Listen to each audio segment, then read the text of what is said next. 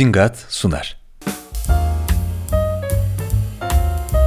Gayrimenkule dair kapsamlı bilgilerle her kesime hitap eden zingat.com, istediğiniz özelliklere sahip gayrimenkulü bulabilmeniz için sunduğu Bana Ev Bul hizmetiyle farkını ortaya koyuyor. Yapmanız gereken sadece beklentilerinizden bahsetmek. Gerisi emlak ofislerinin uzmanlığı doğrultusunda şekilleniyor. Güvenilir bir gayrimenkul bilgi ve pazarlama platformu olan Zingat'ın web sitesine açıklamadaki linkten ulaşabilir, uzun zamandır aradığınız evi Zingat Bana Ev Bul hizmetiyle kolayca bulabilirsiniz. Pareto Spot'un yeni bölümünden herkese merhaba. Ben Pareto ekibinden Oğuzhan Aydın ve bugün fintech ve neobankacılık hakkında konuşmak üzere Papara CEO'su Emre Kenci ile beraberiz. Emre Bey hoş geldiniz. Nasılsınız? Hoş bulduk. İyiyim. Siz nasılsınız? Ben deyim. Teşekkür ederim. Bugün güzel bir konu konuşacağız aslında. Fintech ve sonrasında birazcık daha çerçeveyi daraltıp neobankacılık hakkında konuşacağız. Ama neden şimdi finansal teknolojiler hakkında konuşuyoruz? Fintech hakkında konuşuyoruz? Çünkü aslında 2000'lerin başından beri hayatımıza yavaş yavaş girmiş olan olan ve şu anda günlük hayatımızda kullandığımız finansal teknolojiler gelecekte de bizimle beraber olacak gibi ve aslında pandemi gibi bir süreçte 2020'de birçok sektör bocalarken ve birçok sektörde sıkıntı olurken finansal teknolojilere olan yatırımların arttığını görüyoruz. 2021'de sanırım yüzde yani iki buçuk katından daha fazla artıyor yatırımlar. Sanırım 130 küsür milyar dolarlık bir sermaye yatırımı geliyor finansal teknoloji şirketlerine ve girişimlerine. Yani burada bunu bir bağlama oturtmamız gerekirse, bir kontekste oturtmamız gerekirse hani 128 milyar doların nelere kadir olduğunu düşünürsek aslında 130 küsür milyar doların çok da azımsanamayacak bir hacim olduğunu söyleyebiliriz diye düşünüyorum. Aynı şekilde yani baktığınızda 2021'de yapılan sermaye yatırımlarının %20'si finansal teknoloji şirketlerine gitmiş. Bu da demek oluyor ki finansal teknoloji şirketleri pastanın büyük bir dilimini almışlar ve bunlar da aslında önemli göstergeler. Neobankacılığa gelince de yani 2007-2009 arasında ortaya çıkmış ve Challenger Banks diye de geçen daha doğrusu meydan okuyan bankalar olarak da aslında anılan bu bankalarda sayılarını günden güne arttırıyor, kullanıcı sayıları artıyor ve aslında bankacılık sisteminin bir parçası haline geliyorlar. Türkiye'de de güzel girişimler ve gelişmeler oluyor. Yurt dışında da yine aynı şekilde bunları da konuşmak istedik. Ben lafı yine çok uzattım. Başta çok uzatıyorum genelde. Ben topu size atayım. İlk başta fintech nedir? Bunu bir masaya yatıralım istiyorum. Emre Bey fintech nedir? Oğuzhan öncelikle seninle konuşalım. Sen bana Emre de ben sana Oğuzhan diyeyim. Tamam Senin öyle yapalım. uygunsa. tamam. uygun uygun. Hiç sıkıntı değil. Okey. Teşekkür ederim giriş için. Fintech ne demek? Financial Technologies ya da finansal teknolojiler iki kelimenin kısaltılmasından oluşan bir kısaltma. Çok yalın haliyle geleneksel finansal hizmetleri teknolojiyi kullanarak daha iyi hale getirmeye çalışan şirketlere verilen ad. O bir kategori oldu artık. Bu kendi başına. Fintech'i böyle tanımlayabilirim ben. Yani geleneksel dünyayı özellikle teknolojiyi kullanarak ve biraz da startup ruhuyla be bezeleyerek, e, harmanlayarak bunu daha iyi hale getirmek diyebiliriz. Getiren şirketler olarak tanımlayabiliriz fintechleri. Peki yani bunu şundan dolayı soracağım. Hepimiz aslında bu teknolojileri kullanıyoruz günlük hayatımızda. Yani mobil bankacılık olsun, internet bankacılığı vesaire. Evet. Hatta yani papara falan da yani bunun içine giriyor. Yani nasıl bir teknolojiden bahsediyoruz? Mesela örnek verecek olsanız ne verirdiniz? Ya fintech çok genel bir alan aslında. Yani geleneksel finansal hizmetleri daha iyi hale getirmeye çalışan startuplar genellikle kendilerine fintech demeye başlamışlar ve bu kategori oluşmuş. Bir sürü alanda farklı farklı fintech var. Yani ödeme sistemlerinden işte kredi skorlamaya, ön ödemeli kartlardan kredi kartlarına, uluslararası para transferlerine bir sürü farklı alan var burada. Bu alanların hepsinde ya da birden fazlasında faaliyet gösteren bir sürü fintech var. Örnek göstermek gerekirse işte Papara bir örnek mesela bir finansal teknoloji şirketiyiz bizde. yani tam olarak mesela e, ne yapılıyor? Kafalarda otursun diye bunları soruyorum bu arada. Fintech tam olarak nedir? Bunun bir otoritesi de yok zaten. Resmi bir tanımı da yok. Şimdi baktığınızda aslında Swift sistemi mesela ta 1970'lerden kalma bir sistem galiba. Bankaların birbiri arasında kolay uluslararası para transferi yapabilmesini sağlayan bir sistem bir mesajlaşma protokolü tamamen teknoloji üzerine kurulu bir sistem. Paraya hiç dokunmuyor. Bir fintech mi? Bugün çıksalardı fintech derlerdi isimlerine kesinlikle ama o zaman dememişler yani. yani ilk ATM'yi yapan şirket mesela sadece bunun yazılımını yapmış, donanımını geliştirmiş bir şirket 1900 kaç yılındadır bilmiyorum. O da bir fintech sayılabilirdi bugün olsaydı. Şimdi daha çok bugün finansal hizmetler veren ancak geleneksel eski bankalardan vesaire olmayan şirketlere fintech deniyor daha çok. Ama bir bankada biz de artık fintech olacağız derse buna hayır olamazsın da kimse diyemez yani. Hani böyle tanımlamak istiyorsanız kendinizi tanımlayabilir herkes. Böyle bir kavram aslında. Çok net, keskin bir kavram değil yani. Evet evet ya tabii ki yani çok net bir kavram olmadığının farkındayım ama insanların akıllarında bir otursun diye de değinmek istedim açıkçası. Tamam. Şimdi aslında baktığınızda mesela son zamanlarda biz fintech'i daha çok duyuyoruz. Kayıt dışında da konuştuk. Hani bizim editörümüz Nur Efşan da dedi. Hani biz 2017'de falan da böyle fintech ile ilgili ben çok iş yaptım ama o zaman o kadar konuşulmuyordu. Ama 2022'ye geldik mesela şu anda fazlasıyla konuşuluyor ve aslında önemli bir parçası haline de geliyor ekosistemin. Sadece şeyi merak ediyorum ya 2000'lerin başından alsak mesela itici güçler neydi de biz şu anki ekosisteme evrildik? 2000'lerin başından alırsak aslında birinci en önemlisi tabii ki internetin popüler hale gelmesi. Dotcom'ların çok büyümesi, işte bubble olması tabii ki ama sonrasında da büyük teknoloji şirketlerinin ortaya çıkması ve dominant birer güç olarak hayatımızda yer alması, internetin hayatın temeline oturması ile birlikte finansal teknoloji kavramının da daha önemli hale geldiğini söyleyebilirim. Ama yani 2008'e kadar hatta 2012-2013'lere kadar fintech kelimesi neredeyse hiç kullanılmıyordu. Mesela 98'de kurulmuş PayPal kesinlikle bir fintech şirket. Yani bugün tabii ki banka, uluslararası bir ödeme kuruluşu, dünyanın en büyük finansal kurumlarından bir tanesi. Ama bir fintech aslında. Ya ben bugünkü modern tanıma uyan ilk fintech'i ben PayPal olarak görüyorum açıkçası şahsen. 98 yılında kurulmuş sonra hangi yıldaydı hatırlamıyorum eBay satın alıyor gibi bir hikayeleri var. Bence ama özellikle 2008 krizi fintech kavramının sempatik hale gelmesinin temelini oluşturdu. Çünkü bütün dünyayı etkileyen büyük bir buhran yaşandı ve bu buhranın temelinde aslında bankacıların açgözlülüğü olduğu algısı toplumun büyük bir kısmında yerleşti. Bunu böyle söylemekte çok da sakınca görmüyorum çünkü gerçekten öyle. E bu da aslında bir yandan da bankacılık hizmetleri yavaş, kendini ağır yenileyen, pahalı, zor, sıkıcı bir dünyada olması da var. Hem böyle bir algı oluşmuş 2008'deki krizden dolayı hem zaten finansal, geleneksel finansal sistemler yani boğazına kadar regülasyona batmış olmasının da etkisi. Artı kendi hiyerarşik yapıları, kültürleriyle bankacı, finansal sistemlerin o internet çağına çok uyamaması fintechlerin... Ve daha hantal herhalde. Evet, yani hantal çok, kalıyor bir fintech aynen öyle. göre. Çok hantal yapılar oluyor genellikle bankalar. Tabii ki çok istisna, birçok istisnası var ama birçoğu öyle. Geleneksel finansal kurumların hepsi öyle aslına bakarsanız. Yani 30 yıldan eski bütün finansal kurumlar için söyleyebilirim çoğu için. O algı internet çağına yeterince hızlı ayak uyduramamak yani negatif krizden dolayı oluşan algı ayak uyduramamanın etkisiyle 2013'te şu anki büyük fintechlerin aslında işte biraz kuruluş yıllarına baktım da Number 26 mesela Almanya'da, Nubank Brezilya'da, Chime Amerika'da kurulmuş. Sonra 2015'te Revolut, Monzo kurulmuş. Aslına bakarsanız 2014'ten sonra Google Trend raporuna baktım fintech kelimesinin ben. Yani neredeyse hiç trafik yokken, arama trafiği yokken asıl 2014'ten sonra bu şirketlerin hayata geçmesiyle bu şirketlerin başlaması ve büyük bir karşılık bulması toplumda bu fintechlerin, neobanklerin sonrasında fintech kavramı çok kullanılmaya ve artarak da kullanılmaya devam ediyor şu anda. Kullanılmaya başlanmış ve artarak da kullanılmaya devam ediyor bugün. Yani şöyle diyebiliriz yani dijitalleşme bir itici güçtü. 2008 krizi de aslında bu bankalara, geleneksel bankalara aslında güvenin bir noktada zedelenmesine neden oldu ve insanların daha farklı finansal servislere yani teknoloji bazlı belki de finansal servislere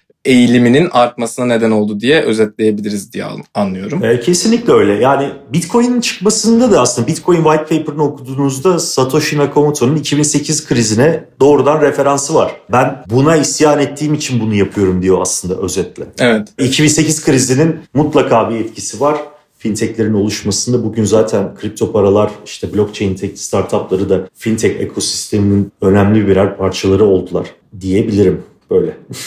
Anladım. Ee, ben bir sonraki soruya geçeceğim şimdi. Günümüzde peki şu anda finansal teknolojiler veya fintech şirketleri nasıl çözümler sunuyorlar? Hangi sektör ve alanlarda kullanılıyorlar? Çünkü hani mevduatlı mevduatsız hesapları konsolide etmek veya konsolide etmek doğru bir kelime mi bilmiyorum ama hani bir araya getirme falan gibi modeller var. BNPL gibi Buy Now Pay Later işte şimdi al sonra öde gibi çözümleri var. Hani bunları merak ediyorum. Hangi alanlarda kullanılıyor fintech? O kadar geniş bir kullanım alanı var ki Oğuzhan. Yani mesela bu toplantıya girmeden önce bir Figo Para diye bir şirket var. Bir arkadaşımızın kurduğu bir şirket. Çok başarılı bir kurum. Bir startup. O da bir fintech. Yaptıkları şey aslında bireyseller için Buy Now Pay Later var. Ama bunun bir de merchant tarafı var. Yani ticari müşteriler var. B2B işte, tarafı var. Evet yani yaptıkları şey şu aslında Figo Para'nın. Mesela Onların da tanıtımını yapmış oluyoruz burada ama siz Trendyol'da bir ürün satıyorsunuz ya da hepsi burada ya da başka bir pazar yerinde. Siz o parayı pazar yerinden 90 gün sonra alacaksınız. Ama aslında siz faturanızı kesmişsiniz, ürünü göndermişsiniz. Paranızı o faturayı gösterip hemen bugünden alabiliyorsunuz belli bir ücret karşılığında. Buy Now Pay Later'ın ters hali aslında. Mesela bu kadar detay bir örnek bile çok ciddi işlem hacimlerine ulaşabiliyor. Çünkü para hayatın her alanına dokunuyor. Yani paranın Tabii ki. ticaretin her alanına dokunuyor mutlaka böyle. Dolayısıyla fintechler de fintechlerin ticaretin her alanında bir fintech var diyebilirim. Muhasebe sistemlerinden ödeme sistemlerine, kart sistemlerine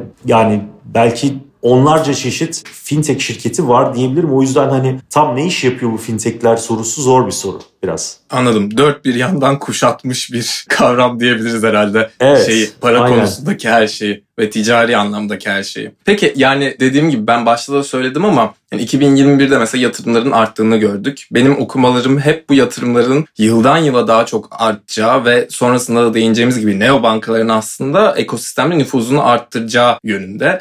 Ben şey de merak ediyorum yani bir yandan da bundan 15 sene önce hayatımızda olmayan kavramlar da var. Yani metaverse, işte kripto varlıklar, e-ticaret veya yani süper uygulamalar gibi kavramlar da var ve bunlar da aslında finansal teknolojilerin gelişmesini ve fonlanmasını, fonlanmak çok güzel konotasyonları yok da en azından finanse edilmesini arttıran kavramlar gibi. Ben şeyi merak ediyorum. Evet benim okumalarım bu yöndeydi ama sizin de fikrinizi merak ediyorum. Hani önümüzdeki yıllarda sizce finansal teknoloji şirketlerini veya e, yatırımlarını nasıl bir dinamik bekliyor? Yani bu artmaya devam mı edecek? Nasıl bir beklentiniz var? Ben kesinlikle artmaya devam edeceğini düşünüyorum. Teknoloji aslında geliştikçe ilk başta konuştuğumuz gibi teknolojinin ilerleyişi metaverse'e doğru gittik. işte başka bir dünyaya doğru gittik. Nasıl gidersek gidelim. İşte remote çalışmaya başladık. Bunların hepsi adaptasyon gerektiriyor. Finansal kurumların adaptasyonunu gerektiriyor. Metaverse hayatımızda çok önemli bir yer alacak mı bilmiyorum. Ama alırsa finansal kurumlarında buna adapte olması lazım. Hızlı bir şekilde. Gerçekten hızlı bir şekilde. E dolayısıyla burada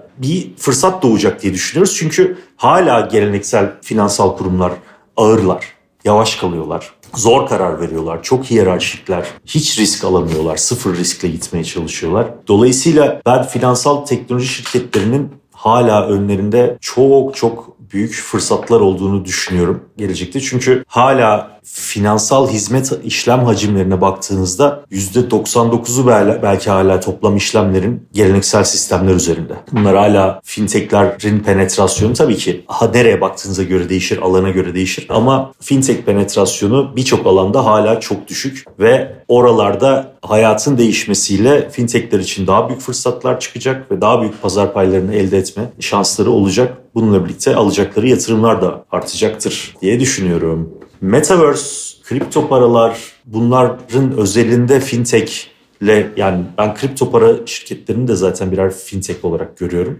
Aslına bakarsanız öyle zaten. Aynen. Bence çok ayırmaya dediğim gibi ben bir parçası diye düşünüyorum ama yani başkası farklı da düşünebilir. Onlar özelinde fintech ne olacak falan çok da bir şey diyebileceğim bir konu değil. Bu az önce söylediğim dışında. Anladım. Hani ben sadece hani burada sonuçta yeni alanlar yaratılıyor ve burada da hani finansal teknoloji şirketleri istemsiz olarak daha çevik oldukları için daha kolay pozisyon alabilecekler gibi duruyor. Sizin de dediğiniz gibi geleneksel finans şirketleriyle kıyaslandığında ve burada da aslına baktığınızda belki de neo bankalara geçmek için doğru bir zamandır diye düşünüyorum. Çünkü demin siz de dediniz hani bu finansal krizle beraber 2007-2009 arasında yaşanan o çalkantılı dönemle beraber neo bankalar bir baş kaldırı gibi Challenger Bank diye kendilerini adlandırdıkları için de bir anarşist bir yapıları da var gibi. Tabii ki bu espri işin şakası. Ama neobankalar da günden güne hayatımızın içine giriyorlar ve sayıları da artıyor. Buna ek olarak kullanıcıları da artıyor. Baktığınızda Chime sadece Chime'a baktığınızda de hatta 2021'de sanırım kullanıcı sayısını %50 arttırmış. Ya bu mesela 50 bin kullanıcısı olan bir platform için veya bir finansal teknoloji şirketi için çok ciddi bir fark olmazken 8 milyonluk bir kullanıcı sayısı olan şirket için ciddi bir fark yaratıyor. 4 milyon kişi demek ki bu servisi kullanmaya başlamış ve bu sadece dediğim gibi Chime. Diğer şirketleri de göz önünde bulundurduğunuzda insanlar galiba akın akın oraya gitmeye başlamış gibi duruyor ve yani insan da istemsiz olarak şunu merak ediyor. Neo banka tam olarak ne? İnsanlar neden buraya yöneliyor? Şeye bakıyorum bir yandan da mesela evet Chime'ın çok iyi bir büyümesi var. Ama az önce söylemiştim ya daha çok gidilecek yol var diye. Amerika'nın nüfusu evet, evet. 300 küsür milyon. Chase Bank'e baktım ne kadar kullanıcısı var diye 62 milyon kullanıcısı varmış. Yani 5 kat daha büyüyebilecek alanı var e, tabii ki. demek oluyor ki Chime artık bayağı olgunlaşmış bir neobank diyebiliriz aslında. Ona rağmen hı hı. bu kadar alan var daha önümüzde. Şimdi senin soruna dönersek bu terim de aslında yine çok net bir tanım değil. Genel kullanımda yer edilmiş bir kelime diyebiliriz neobank'te. İngilizler Challenger Bank diyor. Daha çok değil, tamam hepsi neredeyse neobanklerin tamamen dijital ve birer fintech olarak kendini tanımlayan ve daha çok bireysel bankacılık hizmetlerini sağlayan şirketlere verilen isim. Yani tamamen dijital, teknoloji odaklı, yepyeni bir kullanım deneyimi vaat eden, kullanıcı deneyimi odaklı şirketlere ve bireysel bankacılık hizmetleri veren şirketlere verilen genel isim olarak tanımlayabilirim. Birazcık uzun, kötü bir tanım ama oldu şey, ama. Klasik bankalardan farkı ne peki? Benim bildiğim kadarıyla neo bankaların yine tanım tabii ki fark ediyor. Belki bazı neo bankaların vardır ama şubesi olmuyor diye biliyorum. Gerçekten sadece bir yazılım veya uygulama olarak mı kullanıcılara sunuluyor? Nasıl bir fark var Evet. geleneksel bankalardan? Neobankların şubeleri olmuyor genellikle. Olan da var bu arada. Mesela Rusya'nın Neobank'i çok da iyi bir şirket. Rusya'da dijital bankacılık diye bir şey lisans olmadığı için bir tane şubesi var. Mecburen kurmuş adam. Ama çoğunlukla yok. Kurucusunun isminden geliyor ismi. Tinkoff Bank. Neobank olarak adlandırılıyor çoğu zaman en eskilerden bir tanesi ama şubesi var. Yani aslında burada mesela Empara Türkiye'de bir Neobank mi kendilerini öyle tanımladıklarını sanmıyorum. Ama tanımlayabilirlerdi diyebilirim. Yani şubesiz tamamen dijital, kullanıcı deneyimine odaklı, daha transparan olmaya çalışan, daha iyi bir kullanım deneyimi sağlamaya çalışan böyle geleneksel bireysel bankacılık hizmetlerine yeni bir soluk getirmeye çalışan şirketler diyebiliriz. Ben de şeye gelecektim. Hazır siz de oraya değinmeye başlamışken kullanım kolaylığı falan dediniz. Şeyi merak ediyorum. Bu bankalar yani neo bankalar kullanıcılarına, işletmelere ve ekonomilere ne vaat ediyor? Nasıl avantajları ve dezavantajları var baktığınızda? Çünkü kullanıcılar burayı tercih ediyorsa bir şey sağlıyor olması lazım. Evet. kolaylığı olabilir, ödeme kolaylığı, düşük komisyon vesaire gibi. Aynen öyle. Mutlaka belli faydalar sağlıyor neobankler. Hepsi farklı farklı faydalar sağlıyor. Hepsinin farklı competitive advantage'ları var bulundukları pazarlara göre. Biz bir neobank miyiz? Biz bir banka değiliz. Biz bir elektronik para kuruluşuyuz. O yüzden neobank olarak Papara'yı adlandırmam çok doğru olmayabilir ama biz banka değiliz, Papara'yız. Bizim başlangıç alanımız mesela EFT sisteminin kısıtlarını kaldıralım fikriyle ortaya çıktı Papara aslına bakarsanız. Yani ilk ürünü olarak bizim geliştirdiğimiz ürün buydu. Türkiye'de çünkü para transferleri bankadan bankaya iş saatleri içinde yapılabiliyor. Evet. Hala da aslında kısıtlı faz sistemi geldi ama tam da çalışmıyor. Biz bunu bütün bankalarla entegre olduk. Hesap açtık oralarla. e, Web servislerle entegre olduk. Kullanıcıların paralarını birbirlerine bizim üzerimizden 7-24 hangi bankadan hangi bankaya olursa olsun transfer edebilmesini sağlayarak başladık. Ve bunu ücretsiz yaparak başladık. Yani zaten yapılamıyordu. İş saatlerinde yapıldığında da ciddi ücretler ödeniyordu. Biz bunu ücretsiz yaptık ve 7-24 yaptık. Papara'nın büyüme hikayesinin başında bu var. Mesela bizim özelimizde. Nubank Brezilya'da ilk defa dijital ortamda hesap açılabilmesini sağladı mesela. Mutlaka bir yere şubeye gidip Brezilya'da insanlar sıraya girmesi, işte kimlik göstermesi, kağıt sayfalarca kağıt imzalaması gerekirken Nubank bunu tamamen dijitale taşıyarak 50 milyon kullanıcıları falan var galiba onların. Böyle bir noktaya geldiler. Farklı farklı alanlarda insanlar farklı avantajlar bu geleneksel sistemlerin verimsizliklerini gözlemleyerek oralara odaklanarak başlıyor neobankler. ve oralardan ilerliyorlar. Neobankaların hani bariyerleri de düşük. Bir bankaya mesela hesap açmak vesaire daha meşakkatli bir işken bir neobankada hesap açmak mı denir artık veya o hizmeti kullanıyor olmak sanırım daha kolay. Böyle de bir kolaylık sağladığı için belki de kullanıcılar tercih ediyor olabilir mi? Bir de baktığınızda hani şu anda bankacılık hizmetine erişemeyen aslında ciddi bir kesim var veya bu servislerden yeteri kadar faydalanamayan bir kesim var. Bunlara da çözüm oluyor mudur sizce neobankacılık? Ya mutlaka oluyor ama bu neobanklerin birçoğunun zaten geleneksel bankalarla aynı regülatif şartları. Yani evet. Aynı mı? Şey çünkü bankaların özel bir şey oluyor ya lisans gibi bir şey oluyor ya. Tabii lisansları oluyor ama banka lisansı olan neobanklar da var. Buna rağmen teknolojiyi daha iyi kullandıkları ve kullanıcı tecrübesine odaklandıkları için hesap açmak çok daha kolay olabiliyor. Mesela Number 26 Almanya'da bildiğim kadarıyla onların banka lisansı var. Ama bir tane chart vardı böyle bulundukları pazarda ki diğer bankalara göre kaç tıkla hesap açabiliyorsun? En yakın rakiplerinden böyle 15 tık daha az tıkla hesap açabiliyordun. Bu Tabii ki oraya koyduğunuz her hesap açmaya full dijital hale bile getirmiş olsa bir geleneksel banka onu nasıl yaptığı, hangi dijital yöntemleri kullandığı, ne kadar kullanıcı dostu olduğu falan önemli oluyor. Neobanklar buralarda kullanıcı tecrübesinde teknolojiyi daha doğru kullanmadı, daha kullanıcı odaklı olmakla biraz fark yaratıyor diyebilirim. Peki ben biraz şimdi şeytanın avukatlığını yapma tarafına doğru gideceğim tabii, ama tabii. nasıl dezavantajları var peki neobankaların? Çünkü yeni bir oluşma olduğu için mutlaka hani eksik kaldığı alanlar olabilir. Mesela benim aklıma şey geldi. Kara para aklama gibi bir şey mesela söz konusu olabilir mi neobankalarda? Aha. Hani regülasyon daha düşük olduğu için belki de geleneksel bankacılığa göre böyle şeyler olabilir mi? Evet yani aslına bakarsanız bu yeni nesil bankacılık uygulamalarının birinci olarak aşması gereken problem güven oluyor.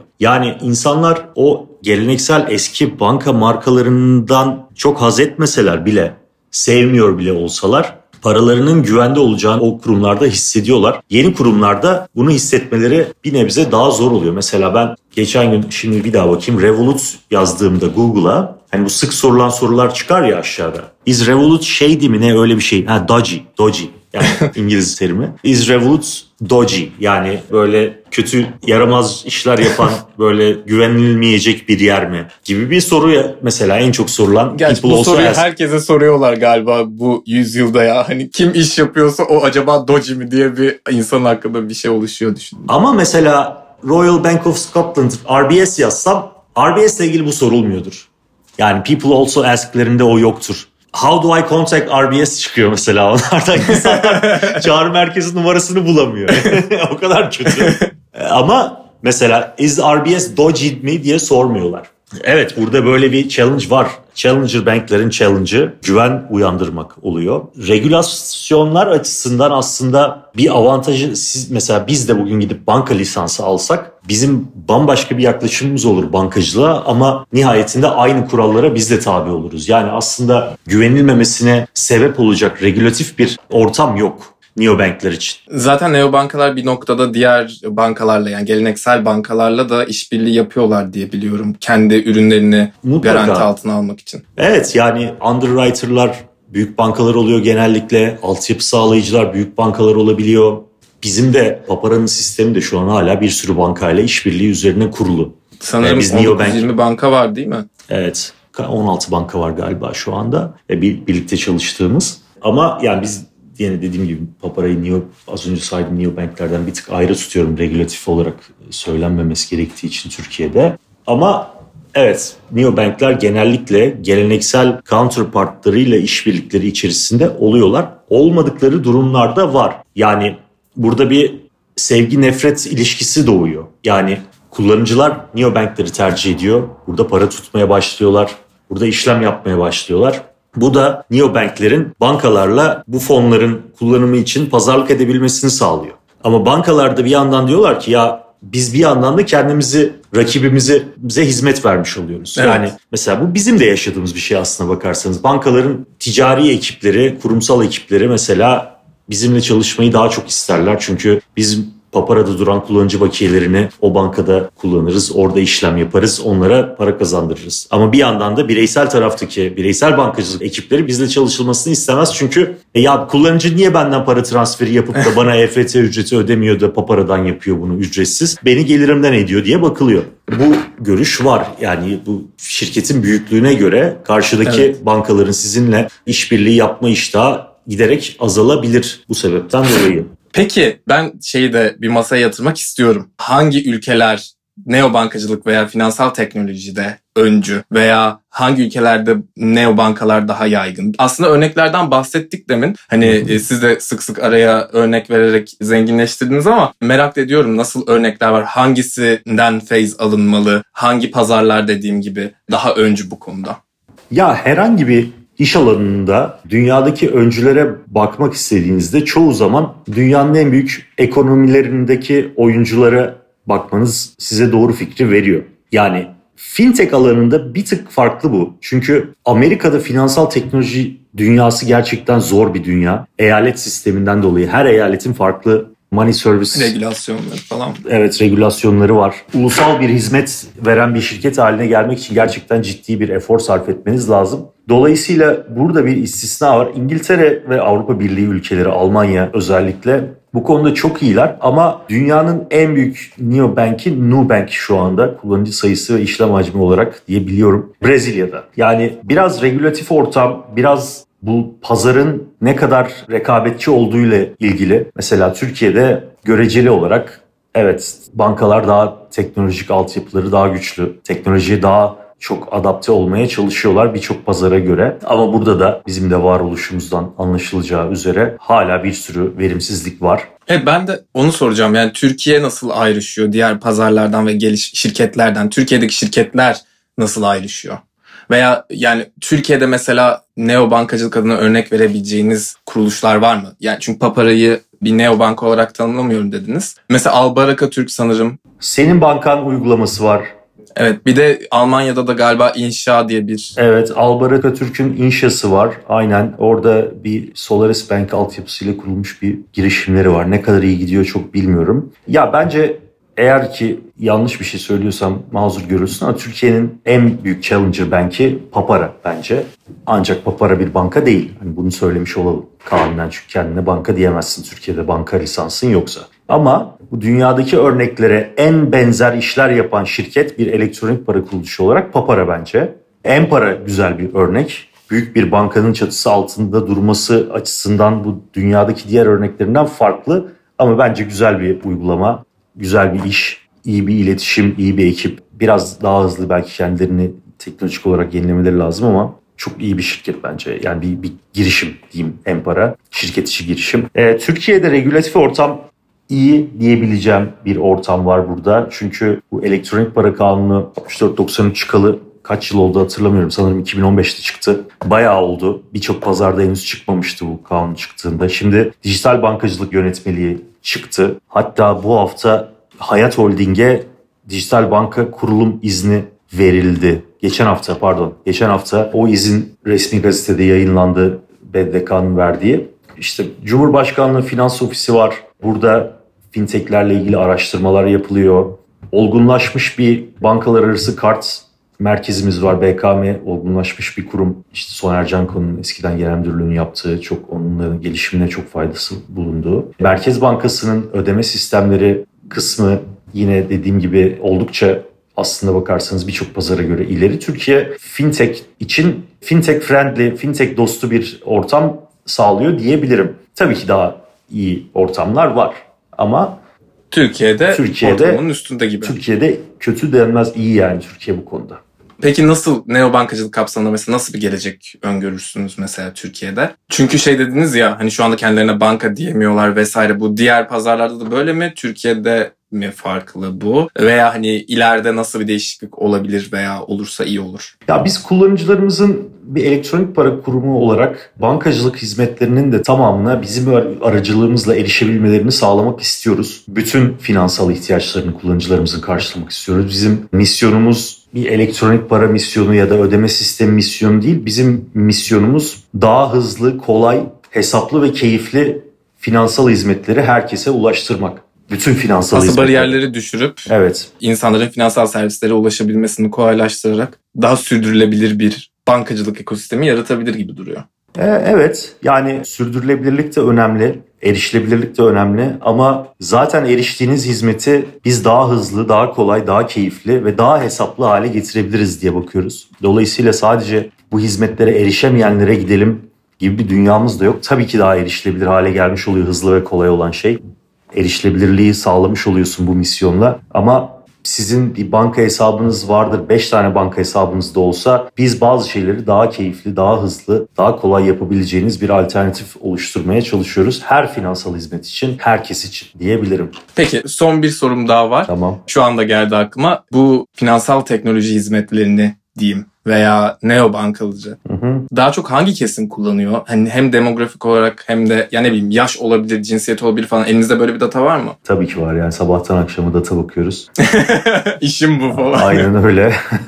Daha çok gençler kullanıyor. Papara'nın kullanıcı tabanının 12 milyondan fazla kayıtlı kullanıcımız var bizim. Bunun %50'sinden fazlasını 23 yaş ve altı oluşturuyor. Hadi ya. Evet. Çok genç bir kullanıcı kitlemiz var bizim. Tabii ki her yaştan kullanıcımız var. Diğer %50 de çok büyük bir %50. Yani az kişi değil Evet. o 6 milyon kişi. Ama çoğunluk 23 yaş altı. Bunu şuna bağlayabiliriz sebebini. Neden bizi daha çok kullanıyor gençler? Ben hep bunu şey örneği veriyorum. Mesela Bağdat Caddesi'ne gittiniz. İki kişi var. Birisi 23 yaşında, 18 yaşında. Birisi 60 yaşında ya da 50 yaşında. İkisi de Caddebostan'dan Suadiye'ye gidecek mesela. Hangisi dolmuş kullanır, hangisi e-scooter kullanır? yani e-scooter'ı büyük ihtimalle 23 yaş altı falan daha çok kullanır. Neden? Yani neden kullanır onu? E çünkü daha yenilikçi olduğu için olabilir ve hani daha aslında buna açık olabilir diye düşünüyorum. Aynen öyle. Ama bir de hani kullanım olarak da hani daha keyifli de gelebilir. Yani ona. çok, bilmiyorum. çok daha iyi bir kullanım tecrübesi veriyor aslında. Yani Evet. rüzgar alıyorsunuz, keyifli bir seyir halinde oluyorsunuz. İşte kimseyle yan yana oturmak zorunda değilsiniz. Böyle nakit para uzattım, aldım para üstü falan yok. Dümendeki sizsiniz falan. Evet yani garip bir müzik dinlemiyorsun oradan falan. Muhteşem bir kullanım tecrübesi dolmuşa göre. Ama 60 yaşında birisini çok fazla görmezsiniz e-scooterların üzerinde. İnsanların da finansal hizmetlerde de aslında hani bu transportation örneği oldu, ulaşım örneği oldu. Finansal hizmetlerde de yaş ilerledikçe geçmişten beri kullandığı finansal ürünü, birincil finansal ürünü bırakması, bırakma ihtimali çok düşüyor. Her ne kadar çok daha iyi alternatifler olsa bile. Ama genç bir insan için alışılmışlıklar ve alışkanlıklar olmadığı için o direkt baktığında daha iyi tecrübe vereni tabii ki tercih edeceğim. Herhalde bunu tercih edeceğim Evet. diye düşünüyor. bir yandan da ama e, mesela bizim için ben bunu çok ya bu insanlar niye kullanıyor ki sizi? Bu soruyu da çok duyuyoruz. Yaş ilerledikçe bunu çok duyuyorum ben. O çünkü şöyle düşünüyor. Ya benim zaten bankam var, kredi kartım var. Yılda işte 250 lira kart aidat ücreti ödüyorum. Sonra arayıp kavga ediyorum. Veriyorlar zaten her yıl. İşte EFT'ye bu kadar ödüyorum. İşte şubeye gitmek zorunda kalıyorum falan. Ama ben bütün işimi görüyorum. E size ne gerek var ki? diye bakabiliyor insanlar. E, ama genç bir insan böyle bakmıyor. Evet doğru.